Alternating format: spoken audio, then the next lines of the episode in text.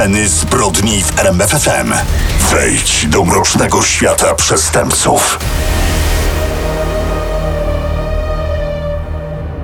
1 sierpnia, proszę Państwa, co tutaj się dzieje? To już ponad połowa wakacji za nami. Fajnie, fajnie, ale nie za fajnie. Już za niedługo, za 30 dni wraca szkoła. No właśnie, a doświadczenie uczy, że ta druga połowa wakacji mija jakoś znacznie szybciej. No to umówmy się, teraz wszyscy zwalniamy, nawet w tych samochodach lekko zwalniamy. Wysłuchajcie kolejnego odcinka o największych kanciarzach PRL-u A zapraszają Daniel Dyk.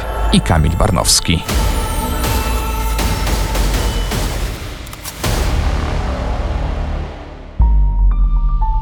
Czas na człowieka, który potrafi podrobić niemal wszystko. Zdzisław Nęcka, nazywany ze względu na jego malarskie zdolności Matejką. ale nazywany jest też malarzem banknotów. Niedawno trafiłem w prasie na ciekawy wywiad z panem Zdzisławem i on mówi o sobie: Urodziłem się fałszerzem i fałszerzem umrę. To zdanie, myślę, świetnie tę postać charakteryzuje, ale jak to u nas? Po kolei.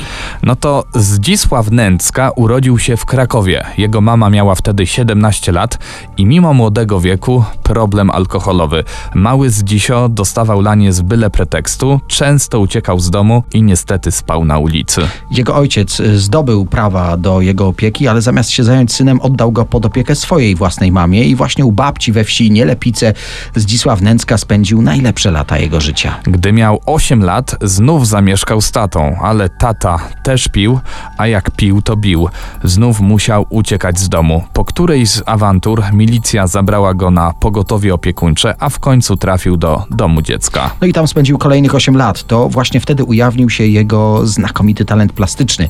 Po wyjściu z domu dziecka próbował utrzymywać się nawet przez chwilę z malarstwa. Gdy ma 18 lat, ten talent lekko przekierowała jego ówczesna dziewczyna. To ona miała namówić swojego Zdzisia, by spróbował namalować pieniądze, których tej parze oczywiście bardzo brakowało, a kto się może oprzeć ukochanej kobiecie? No nikt. Jak podrabiać z kolei coś w PRL-u, to najlepiej podrabiać dolary, których wartość była wtedy przeogromna. Oczywiście ta wartość poza oficjalnym obiegiem, czyli u cinkciarzy.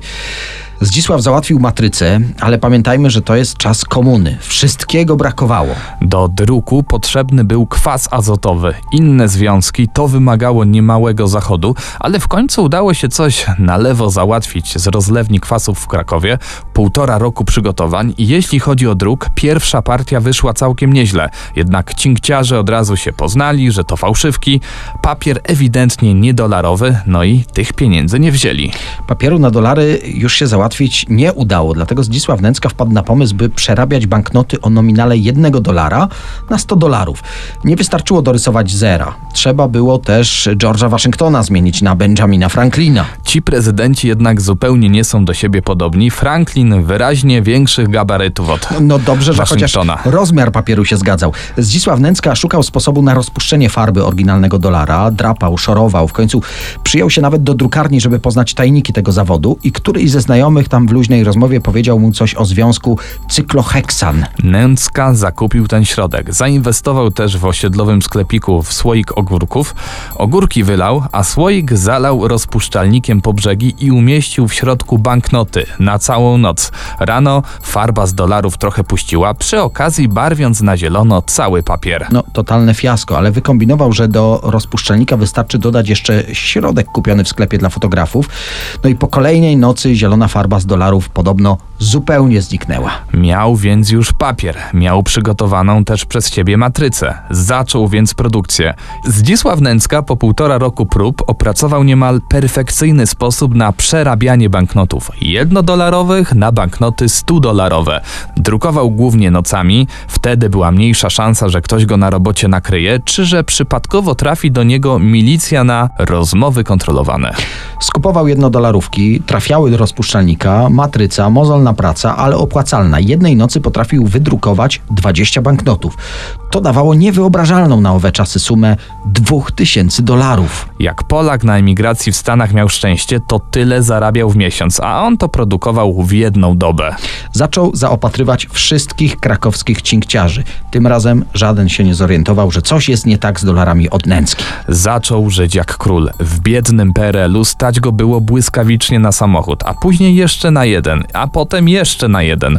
Do tego najlepsze ubrania prosto z Peweksu. Lubił spędzać czas w drogich, tak zwanych dewizowych hotelach warszawskich, oczywiście zwykle w damskim towarzystwie. Właśnie, Warszawa. Tam szalał. Ale miał zasadę. W Krakowie się nie wychyla, żeby nie sprowadzić na siebie podejrzeń. Miał skromne mieszkanie, a samochód i wszystkie markowe ciuchy trzymał w stodole w domu swojej dziewczyny. Kiedy chciał się gdzieś pobawić, no to właśnie wsiadał w auto, wkładał na siebie ubrania z Peweksu i szalał w stolicy. Dziewczynę obdarowywał hojnie drogimi prezentami. W jednym z jazzowych klubów poznał studentkę pedagogiki, zakochali się w sobie i wtedy Zdzisław Nęcka wpadł. I nie mówimy o sidłach miłości. Ma 21 lat, jest rok 1965. Jeden z krakowskich znajomych ukradł mu wtedy podobno dolary i żeby nie musiał oddawać, doniósł na milicję. Zdzisław Nęcka, zanim go aresztowano, zdążył wrzucić matryce służące do druku dolarów do kwasu azotowego. Jeden z milicjantów wyciągnął je gołą ręką. Doznał poważnych oparzeń, ale matryce zostały zdeformowane. Milicjanci nie mieli dowodów, że fałszował dolary. Wtedy mógłby dostać 25 lat więzienia. Ale handel dolarami także nie był w PRL-u legalny, dlatego trafił do aresztu, ale z krótkim wyrokiem. Co ciekawe, poznana studentka nie skreśliła go, nawet odwiedziła w areszcie, no i gdy wyszedł, stworzyli trwały związek. On nadal fałszował, ale już nie dolary. Przerzucił się na dokumenty. W telewizyjnym programie Cela Numer mówił. Dowód osobisty tak naprawdę to mam drugi w życiu, który mi zrobiło państwo, a resztę zrobiłem sam. W miarę potrzeb. Bo to długo trwa w urzędzie. Robię sobie swój oryginalny dokument na bazie tego, co wiem o sobie. No i co wiem o dokumentach. To znaczy robię sobie dowód sam osobisty. Nie chodzę po urzędach. Największe zapotrzebowanie było na dowody osobiste. Schodziło też sporo praw jazdy. Czasem ktoś zamawiał świadectwa maturalne, by podnieść swoje kwalifikacje zawodowe. Zarabiał znacznie mniej niż w czasach fałszowania dolarów, ale i tak partnerce wystarczało na wszystko, żyła jak królowa, a jednak życie sielankowe się nagle skończyło.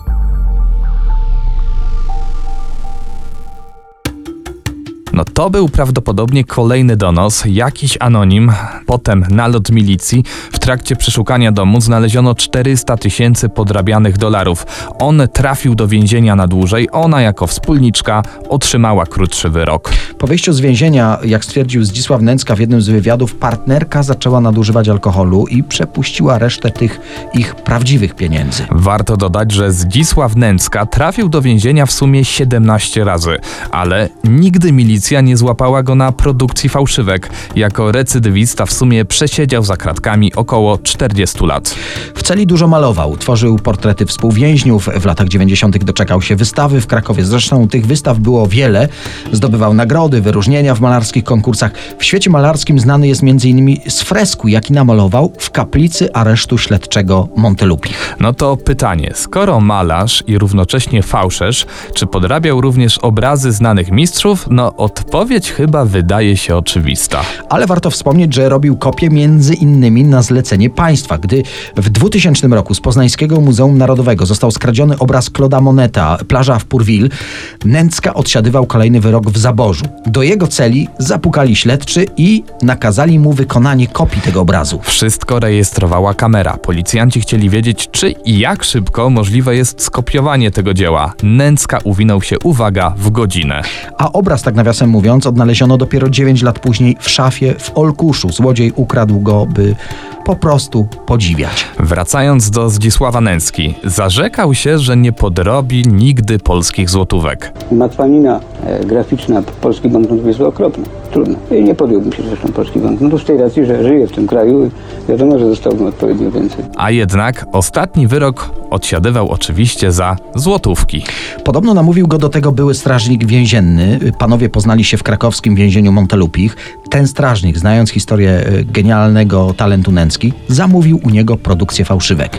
To było wyzwanie, bo polskie banknoty uchodzą za najlepiej zabezpieczone na świecie. Ale takie wyzwania Zdzisław Nęcka lubi. Podrobił każde z 15 zabezpieczeń. W dwa lata wyprodukował, uwaga, ponad 312 tysięcy banknotów. Obaj panowie zarobili na tym tyle, że każdy z nich kupił sobie mieszkanie, auto i jeszcze zostało na wystawne życie. Wyobraźcie sobie za te wyprodukowane pieniądze, żona Nęcki chciała sobie kupić kampera i ktoś doniósł, że może płacić fałszywkami. Banknoty były nie do odróżnienia od prawdziwych, ale różnicę wykrył czujnik do badania gęstości papieru.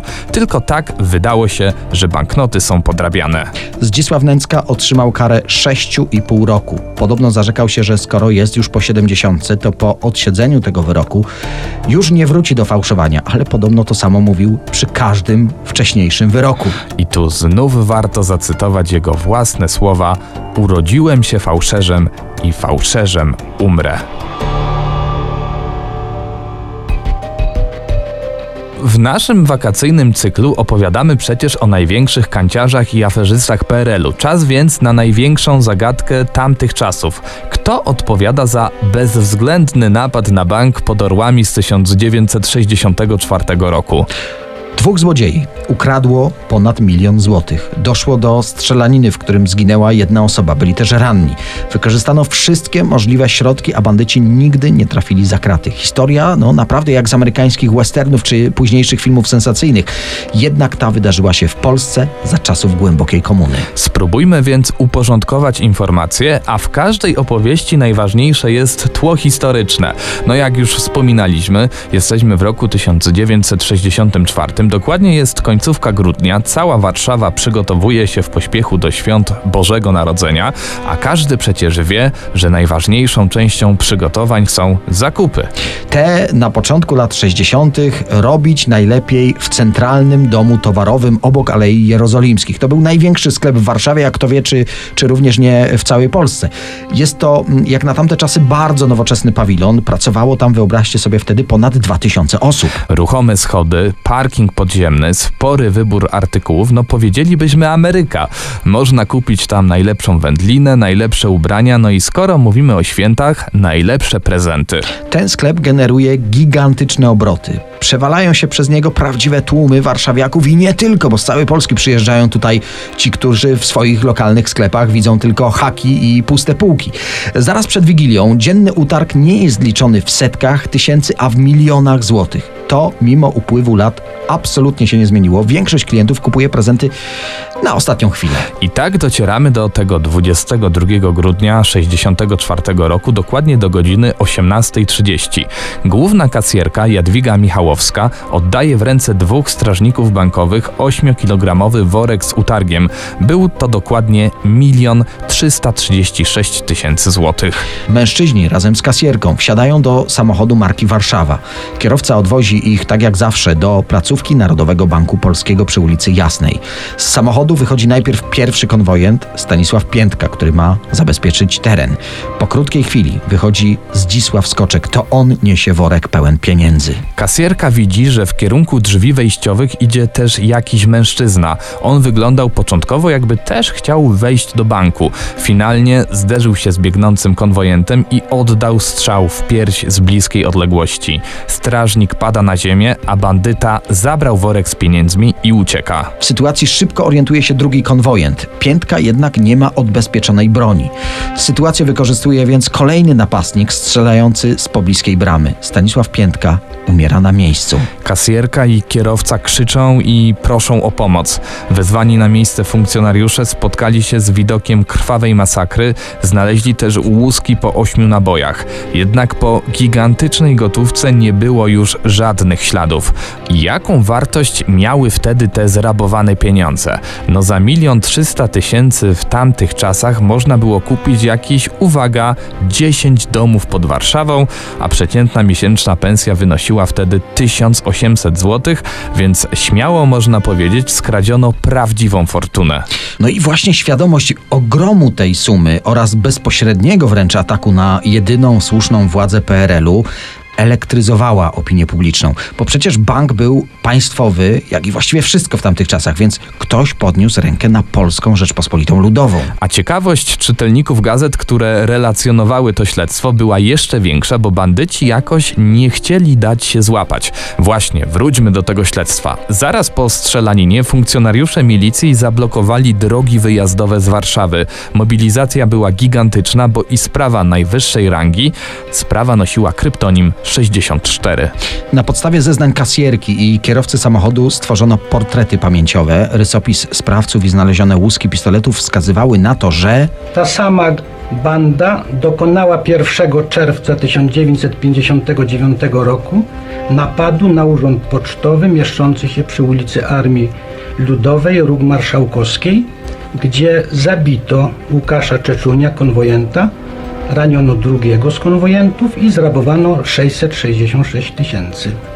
O bezwzględności świadczy fakt, że tak przy ostatnim napadzie, jaki miał miejsce 22 grudnia, jak i przy napadzie 1 czerwca 1959 roku, mimo że konwojenci byli unieszkodliwieni pierwszymi strzałami, sprawcy dobili leżących na ziemi strażników. Wspominał o tym pułkownik Stanisław Górnicki. Warto dodać, że dzięki rysopisowi bandytów odlane zostały specjalne manekiny sprawców. Jeden do jeden. Były one w rzeczywistych rozmiarach i zawierały najdrobniejsze szczegóły. To była prawdziwa nowinka w kryminologii w Polsce. W dużym skrócie, jeden z napastników był wysoki, a drugi niski. Śledczy skupili się na tym wysokim, dlatego w kręgu potencjalnych podejrzanych znalazł się każdy wysoki mężczyzna mieszkający w Polsce. Na tej liście było, uwaga, półtora miliona mężczyzn. Milicja sprawdziła ponad 10 tysięcy mieszkańców Warszawy, no ale wszystko bez rezultatu. Prowadzący to postępowanie ugrzęźli w tym gigantycznym kręgu poszukiwanych. Dlatego na konferencji prasowej pułkownik Stanisław Górnicki wystosował następujący apel. Każdy, kto przyczyni się do ujawnienia sprawców, może być pewny, że w pełni zasłużył na wyznaczoną nagrodę. Jednocześnie pragnę zapewnić, że wszystkim, którzy udzielą informacji, zapewniamy pełną dyskrecję. Jednak ta przemowa nie przyniosła większego rezultatu. Bandyci ze skradzionym dorobkiem wyjechali najprawdopodobniej za Warszawę i ślad po nich zaginął. Cały napad wyglądał na zaplanowany w najdrobniejszych szczegółach. Wszystko wskazywało na to, że byli to prawdziwi profesjonaliści.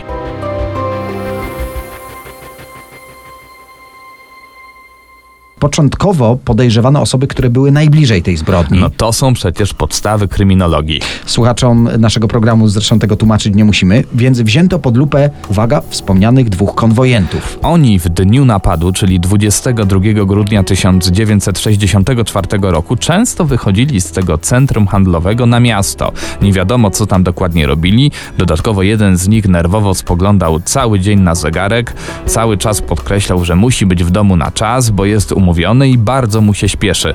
A więc czy konwojenci albo jeden z nich byli częścią spisku, a późniejszy zastrzelony to tylko powiedzmy lekka aktualizacja planu i pozbycie się świadków? No tego nie wiemy.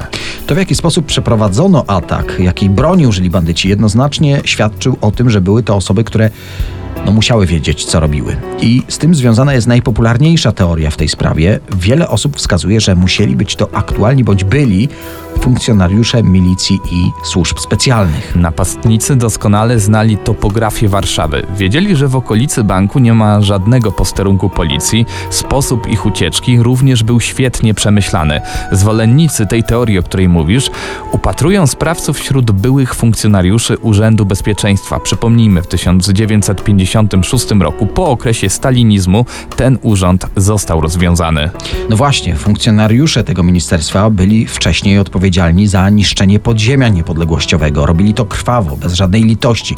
Po przejęciu władzy przez Gomułkę Urząd Bezpieczeństwa został, e, jak wspomniałeś, zlikwidowany, a większość pracowników została zwolnionych, no i albo nie miała pracy, albo pracowała na przykład jako szatniarz gdzieś, no, no poniżej kwalifikacji. Jest więc bardzo prawdopodobne, że sfrustrowani życiem byli funkcjonariusze wykorzystali swoją wiedzę i umiejętności do przejęcia gigantycznych pieniędzy, a dodatkowo miał być to jakiś rodzaj zemsty. W tej sprawie był też jeden bardzo ważny anonimowy list i jeden telefon. To ja zostanę przy tym telefonie. Wyobraźcie sobie, że długo, no 30 ponad lat po y, tym napadzie, w 97 roku do redakcji gazety tygodnika Kulisy zadzwonił anonimowo mężczyzna, który przekonywał, że za napadem stoi większa grupa osób. Nawet się umówiono na jakiś wywiad w tej sprawie. Anonim jednak nie przyszedł na to umówione spotkanie. A propos listu, tego samego roku nieznany nadawca napisał wiadomość do redakcji Ekspresu Wieczornego. Tak, ten list był z y, okolic Jaworzna. Y, Anonimowy informator napisał wprost, że sprawa została rozwiązana, tylko opinia publiczna o tym nie wie. W toku śledztwa miało wyjść na jaw, że złodziejami byli aktualni funkcjonariusze Służby Bezpieczeństwa i zostali oni zatrzymani, a potem zlikwidowani, a sprawę uciszono. W 2019 roku kolejny trop. Znów na policję zgłosił się anonimowy informator, według którego sprawcami napadu byli Antoni S. i Adam L. Y, Panowie idealnie pasowali do portretów pamięciowych, a po skoku finansowo wiodło im się podobno no, nader dobrze. Ile w tych doniesieniach prawdy, tego nie jesteśmy w stanie ustalić. W 1989 roku sprawę napadu na bank pod Orłami umorzono. Pewne natomiast jest to, że największa zagadka PRL-u nadal czeka na swoje oficjalne rozwiązanie. Genialni fałszerze, uwodziciele, cinkciarze, sceny zbrodni, najwięksi kanciarze PRL-u w RMFFM.